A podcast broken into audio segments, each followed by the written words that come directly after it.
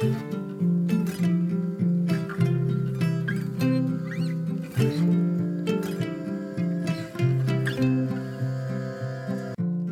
och välkommen till For Health med Anna Sparre.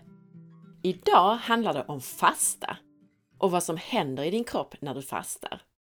Så här i Nobelpristider så tänkte jag prata lite extra kring ett ämne som fick Nobelpriset för några år sedan, nämligen något som kallas för autofagi och som är en helt grundläggande nödvändig process som kan hålla oss friska. Det passar dessutom bra så här i oktober månad när det pratas mycket cancer. Att stimulera autofagi är nämligen ett viktigt sätt att motverka cancer. Och hur stimulerar vi autofagi? Jo, inte minst med fasta. Men det finns även lite andra saker att tänka på. I det här avsnittet förklarar jag både autofagi och fasta på ett enkelt sätt.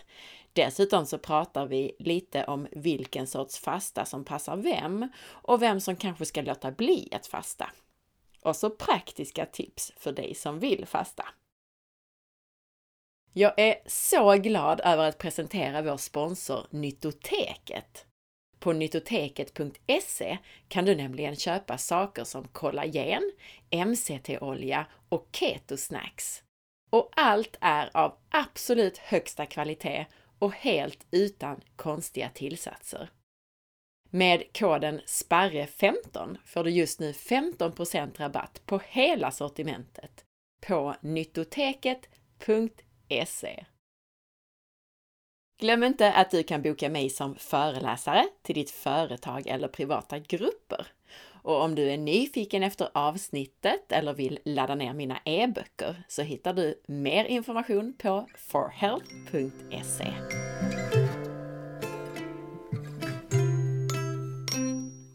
Jag visste inte riktigt om jag skulle hinna få till ett avsnitt den här veckan, men det var så länge sedan som jag gjorde ett eget avsnitt där jag själv förklarar, så jag tyckte att det var dags för ett lite kortare eget avsnitt. Och så här i Nobelpristider så kan det vara relevant att fokusera på just det. Jag brukar årligen skriva inlägg som enkelt förklarar Nobelpriset i medicin och fysiologi och senaste åren så har jag verkligen gillat att göra det här eftersom det har varit mycket fokus på just fysiologidelen, alltså hur kroppen fungerar och på ett väldigt grundläggande sätt de senaste årens Nobelpris alltså. Årets Nobelpris är såklart också superviktigt. Det handlar om hepatit C. Men jag hade nästan hoppats på andra pristagare så att jag fick skriva om hur vårt immunsystem fungerar på ett grundläggande plan med dess B-celler och T-celler. Men det kanske får bli nästa podcastavsnitt, trots att det inte fick något Nobelpris i år alltså. Låt oss se! Hur som helst, ett av mina favoritnobelpris i fysiologi var 2016 när det handlade om en mekanism i kroppen som kallas för autofagi. Men låt oss börja med att prata lite generellt om fasta och om periodisk fasta. Redan för fem år sedan så gjorde jag ett avsnitt om fasta, avsnitt 49. Så lyssna gärna även där. Och sedan dess så har vi haft fasta på tal i en hel rad andra podcastavsnitt. Fasta och inte minst periodisk korttidsfasta har blivit väldigt populärt de senaste åren. Och jag gissar att det är inte minst för att många upplever snabba effekter på både sin hälsa och sin vikt. Och det är dessutom ganska rakt på sak. Man behöver inte så mycket kunskap för att testa att fasta. Jag brukar dock rekommendera att man först ser över vad man äter innan man tittar på hur. Alltså innan man fastar och så vidare så ser man till att ha en bra grundkost. Både för hälsans skull, men fastan blir dessutom enklare i en kropp som har bättre näringsstatus och är mer anpassad till fettförbränning för att du helt enkelt då äter en bra grundkost. Så hur ska man då tänka kring vad man äter när man inte fastar? Jo, men tänk stenåldern. Alltså ät inte socker och mjöl och mejeriprodukter och processad mat, utan ät istället mer naturligt fett, ät närodlat, ekologiskt, frigående djur och så vidare. Alltså lyssna gärna bland annat på avsnitt 60 där vi pratar en del om det här och på andra tidigare avsnitt där vi pratar mer om kosten. Det är bra att få igång fettförbränningen innan man börjar fasta genom att börja äta mer naturligt fett och mindre snabba kolhydrater, åtminstone i några veckor först, innan du börjar fasta. Det här kommer att både förenkla fastan och så är det också hälsosamt i sig att äta på det här sättet. I någon form så passar fasta de flesta. Men jag ska också betona att det inte är lämpligt för personer med ätstörningar och inte för personer med utmattning och mycket stress eftersom fastan då bara blir ytterligare en påfrestning på kroppen. Och man kan också vara lite försiktigare vid graviditet, särskilt om man aldrig har fastat för. Och då får man helt enkelt lyssna på kroppen och vad som känns bra. De flesta upplever eh, att man gärna vill äta lite oftare och mer regelbundet just när man är gravid. Som jag och Jenny Kos pratar om i avsnitt 265 på temat kvinnohälsa så mår de flesta kvinnor och särskilt de som är stressade bättre av att äta mer regelbundet. Alltså att inte fasta i form av periodisk fasta. Däremot kan man använda fasta mer sällan och då lite längre. Alltså att fasta flera dagar, en eller ett par gånger per år för att verkligen få igång det här med autofagi som bland annat kan hjälpa oss att förebygga cancer. När vi pratar mer regelbunden fasta så tycker jag att i stort sett alla bör fasta minst 12 timmar över natten, varje natt. Inte minst för att tarmarna behöver få tid att städa upp. Det här är ett viktigt sätt att förebygga bland annat IBS och SIBO på och andra typiska magbesvär. Alltså även de som jag just nämnde att de inte ska fasta, de bör oftast ändå låta kroppen vila från mat ungefär 12 timmar över natten. Det många gör fel här, det är att man hellre fastar på morgonen än på kvällen. Och det vi borde göra är istället då att äta vårt sista mål lite tidigare så att kroppen hinner smälta maten innan vi går och lägger oss. Att äta middag vid 18-tiden till exempel är en bra riktlinje här och att vi sen äter när vi känner oss hungriga på morgonen. Och då brukar de flesta helt naturligt få mellan 12 och 14 timmars fasta över natten. På natten behöver alltså kroppen göra annat än att smälta mat. Tänk på det! När det gäller periodisk fasta, att regelbundet dagligen eller veckovis fasta, så passar det inte minst relativt friska män och när jag säger friska här så menar jag att de inte är stressade och utmattade. Man kan absolut ha ohälsa i form av bukfetma och insulinresistens. Då brukar fasta vara väldigt effektivt. Och missa förresten inte avsnittet för medelålders män, avsnitt 217, där vi pratar mer om vad som är effektivt här. Och här finns det ju många olika varianter av periodisk korttidsfasta. Allt från 5-2 till varianter med olika ätfönster. Man kan till exempel fasta 16-8, vilket innebär att man har ett ätfönster på 8 timmar och fastar 16 timmar per dygn. Och en del gör detta alltid, varje dag. Till exempel att man äter mellan klockan 11 på förmiddagen och 19 på kvällen varje dag. Och sen fastar man då resterande 16 timmar på dygnet. En del fastar 24 timmar från middag till middag, en eller ett par gånger per vecka eller månad. Men allra häftigast tycker jag då längre fasta är, alltså ungefär fem dagars fasta några gånger per år till exempel. Då pratar vi verkligt imponerande effekter såsom att man kan reversera många sjukdomstillstånd och man kan nybilda stamceller och så vidare. Och en del av de häftiga effekterna tillskrivs den effekt som kallas för autofagi. Så låt oss prata om autofagi. 2016 års Nobelpris i medicin och fysiologi tilldelades Yoshinori Oshumi för sina upptäckter om hur cellens eget återvinningssystem fungerar. Och detta kallas för autofagi eller autofagocytos. Autofagi, det är en grundläggande process i kroppen. Det handlar om nedbrytning och återvinning av cellens egna beståndsdelar. Auto betyder själv och fagi kommer från ordet fagein som betyder äta. Autofagi betyder alltså självätande. Och begreppet kommer av att det ser ut som att delar av cellens innehåll äts upp. De omsluts av membran och bildar så kallade vesiklar. En vesikel är en liten blåsa. Och i de här vesiklarna så kan celler utföra kemiska processer utan att andra delar av cellen påverkas. Vesiklarna blir som en sorts renhållningsarbetare som samlar upp oanvända proteiner och andra skadade beståndsdelar i cellen och smälter samman med cellens lysosom.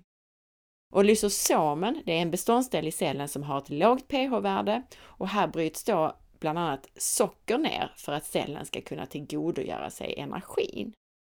Men lysosomen fungerar alltså också som cellens renhållningsstation och bryter ner överflödiga eller skadade delar från cellens inre som på så sätt snabbt kan omsättas till energi. Den här autofagiprocessen den hjälper oss att överleva när vi utsätts för svält och andra former av stress. Då behöver vi bryta ner och återanvända de proteiner vi redan har i kroppen så att vi snabbt kan bygga upp ny energi. Genom att stressa celler och organismer att minska kaloriintaget så ökar den här processen autofagi eller autofagisvälten. Autofagi är ett slags försvarsmekanism mot åldrande kan man säga. Om den inte fanns så skulle vi bli gamla mycket snabbare. Och det är väldigt populärt att titta på autofagi i åldersforskning och vilken roll det spelar i vårt åldrande. Yoshinori Oshumi lyckades genom en serie experiment i vanlig gäst under tidigt 90-tal identifiera gener som har stor betydelse för autofagi. Han har dessutom identifierat hur viktig denna process är, att det inte bara handlar om en soptipp för cellerna. En vuxen människa bildar 200 till 300 gram nya proteiner varje dag. Med maten får vi i oss ungefär 70 gram. Resten kommer alltså genom att vi återanvänder våra egna proteiner. Proteiner som har blivit gamla eller gått sönder till exempel. Och autofagi är nödvändig för att vi ska kunna återvinna och förnya kroppens egna beståndsdelar. Om autofagifunktionen är defekt så kan till exempel nervceller inte fungera ordentligt. Och vid experimentella studier så har man också sett att embryon inte utvecklas normalt. Det finns även starka kopplingar till cancer om inte autofagi fungerar. Och det är även viktigt vid vissa sjukdomar som Parkinsons där det finns skadliga proteiner som behöver tas om hand. Den här processen, autofagi, kopplas också till varför fasta och kalorirestriktion kan öka din livslängd. Allt fler forskare tror att kalorirestriktion kan vara ett sätt att motverka cancer och flera neurogenerativa sjukdomar. Och i flertalet studier på djur, som till exempel på möss, så har kalorirestriktion en tydligt positiv effekt på hälsa och livslängd. Men istället för att konstant gå omkring och svälta sig själv och äta i underkant så kan man alltså fasta ibland. Att hård kalorirestriktion, alltså att äta mycket lite eller ingenting alls, skulle kunna vara bra för hälsan, det skulle kunna förklaras åtminstone delvis av just den här processen autofagi. Autofagi kan man alltså säga det handlar om svältande celler som rensar sig själva. Man brukar lyfta fram de positiva hälsoeffekterna av fasta som en följd av sänkta nivåer av tillväxtfaktorn IGF och sänkta nivåer insulin med mera. Men en annan viktig förklaring är alltså autofagi, cellernas förmåga att under svält äta upp och rengöra sig själva. Celler som utsätts för svält kan alltså samla upp skräp och bryta ner det så att energi och nya byggstenar bildas. Cellerna väljer att bryta ner skadade proteiner först. Skräp som lagrats i cellen, som till exempel defekta delar, de förstörs. När möss utsätts för tillfällig svält, alltså fasta, så har det visat sig att de lever längre än andra möss och drabbas av färre sjukdomar.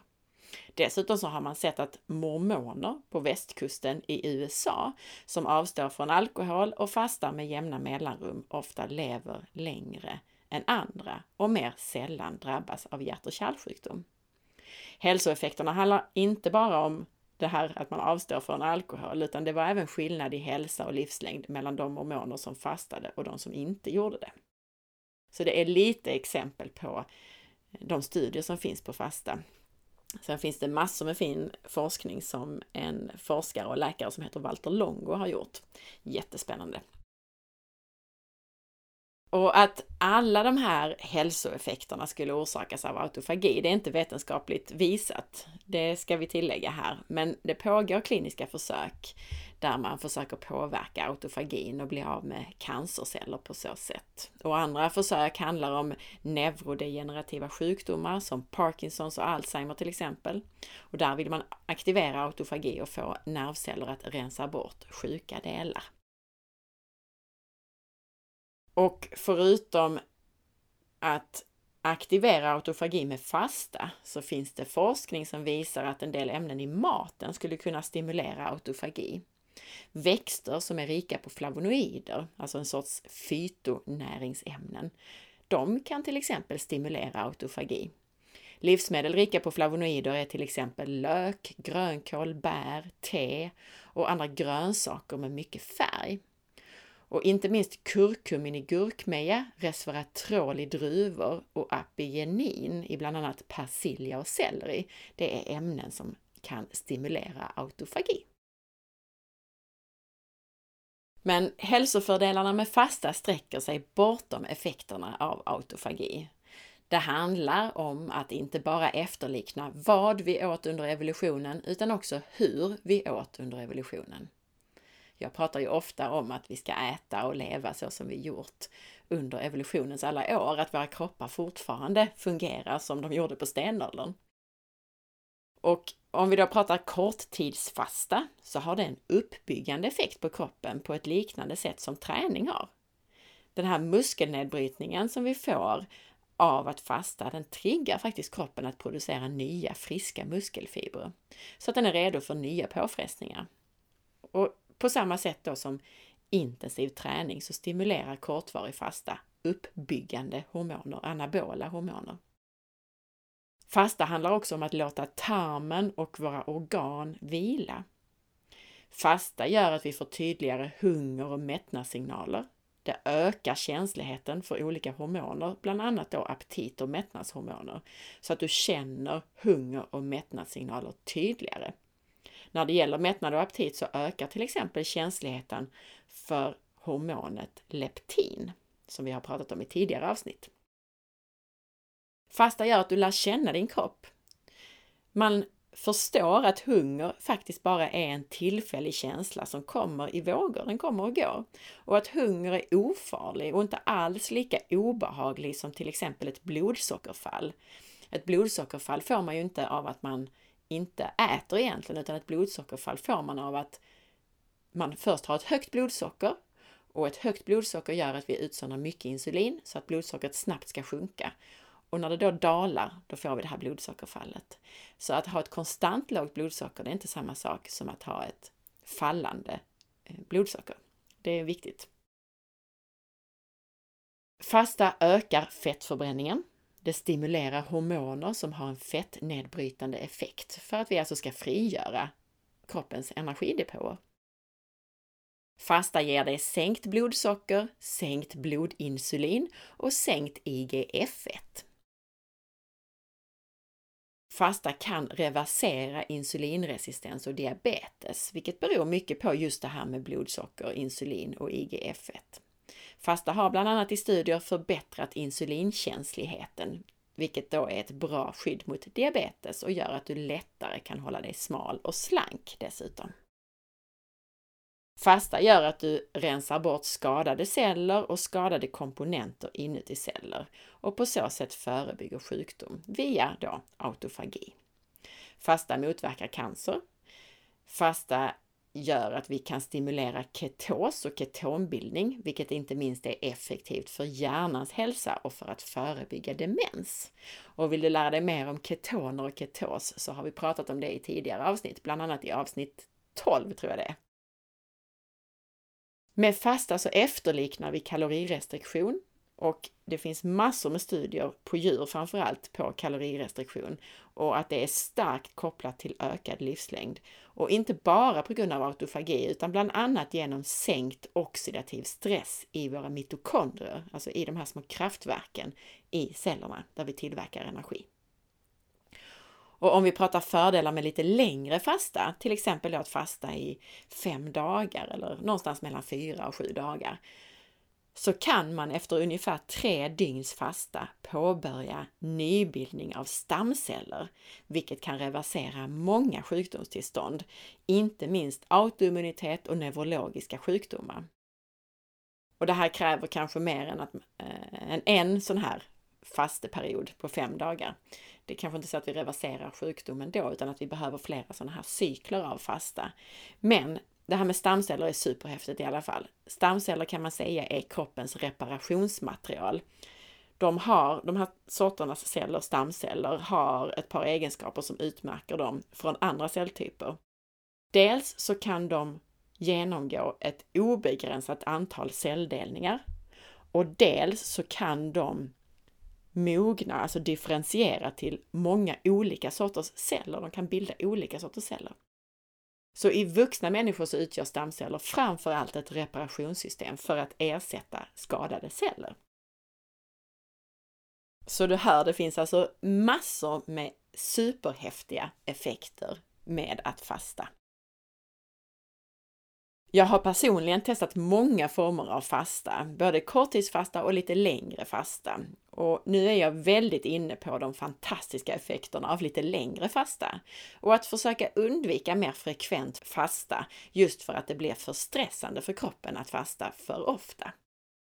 Jag har fastat i cirka fem dygn i sträck ungefär fem gånger i mitt liv hittills. Det kommer att bli fler.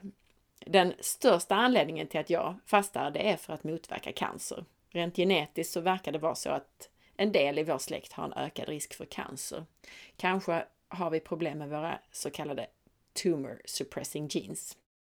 Men det är en annan historia, ett annat podcastavsnitt. För vissa så kan det kännas oöverkomligt att fasta så här länge då, att man fastar i flera dagar.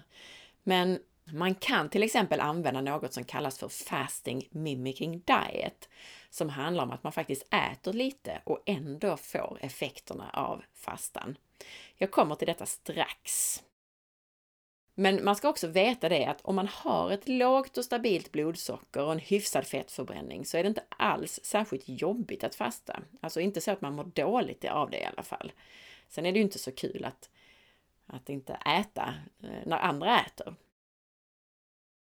Men fördelarna med fasta det är som jag har nämnt väldigt många och de rör framför allt reverserande eller förebyggande av allvarliga sjukdomar.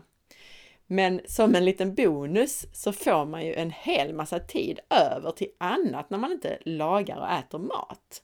Och dessutom så sparar man ju pengar på det.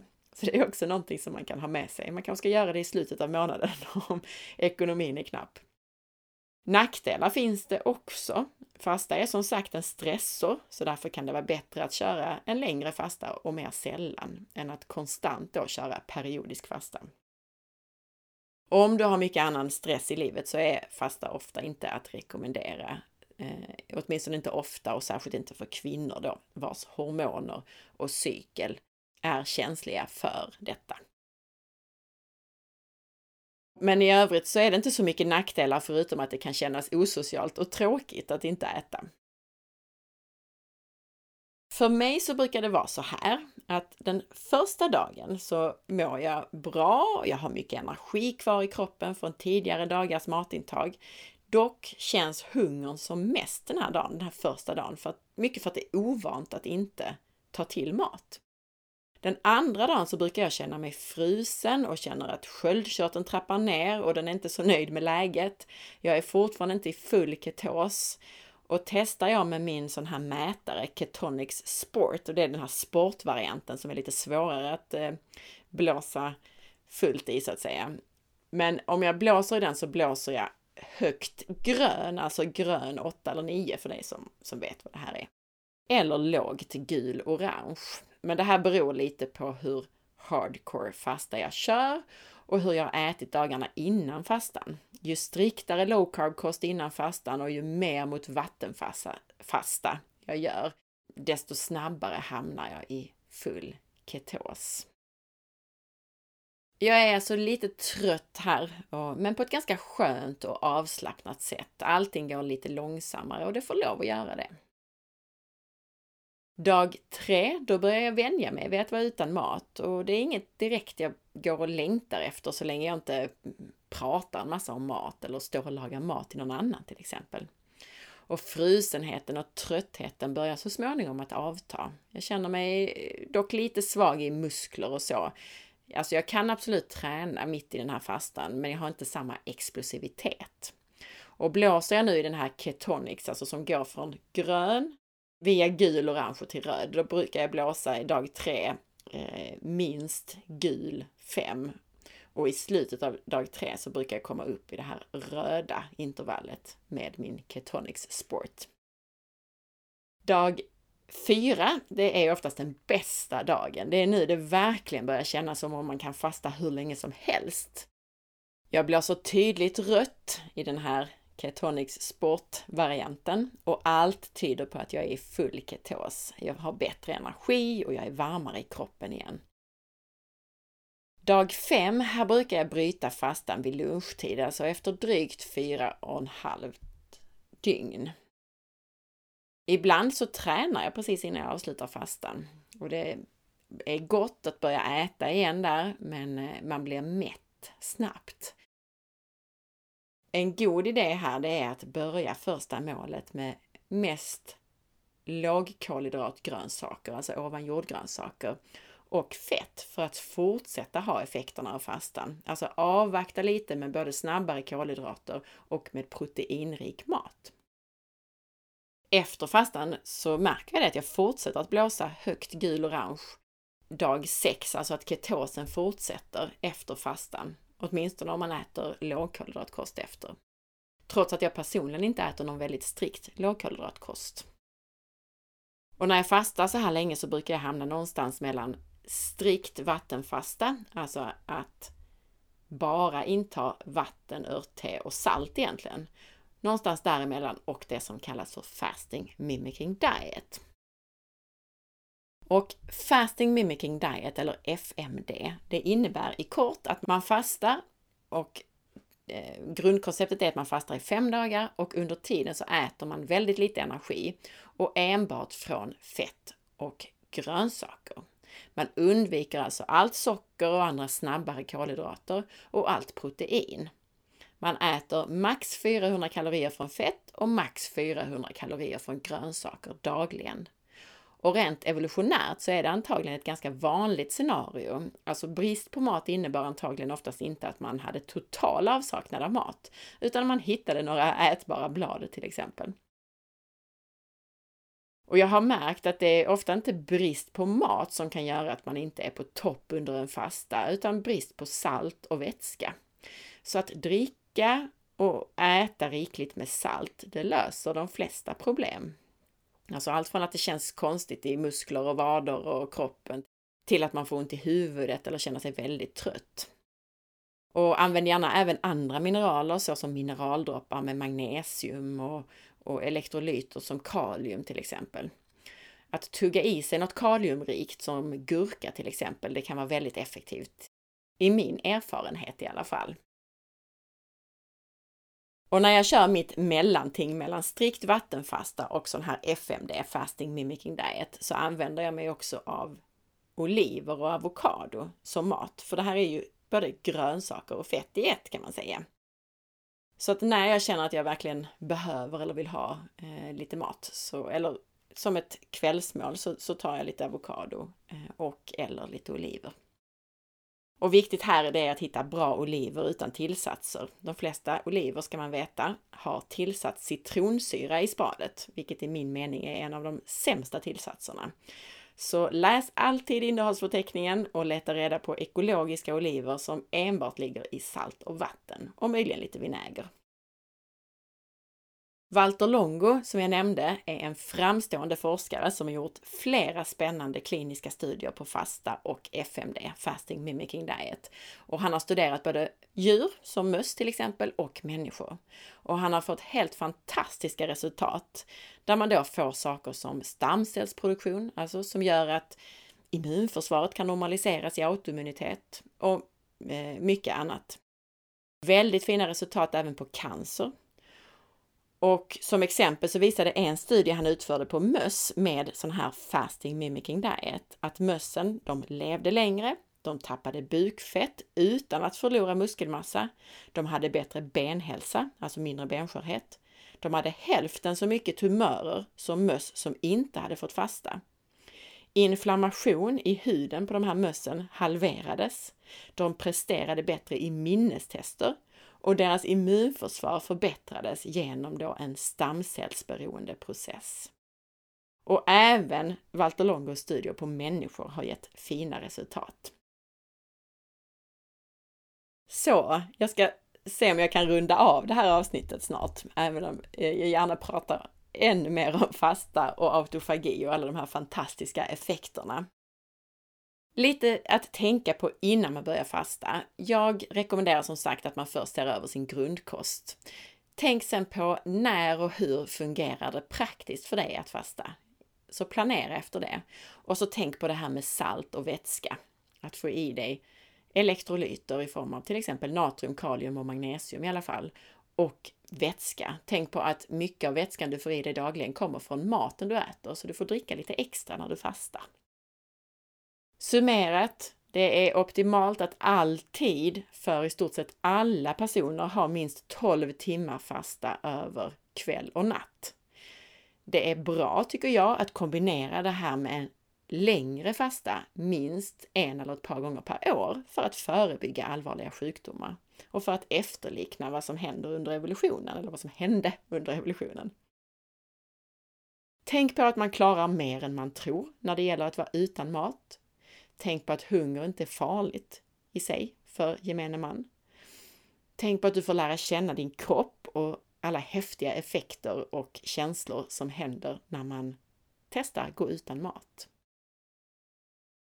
Och se till att få igång fettförbränningen genom att börja äta mer naturligt fett och mindre snabba kolhydrater i minst några veckor innan du börjar fasta. Det är mina tips.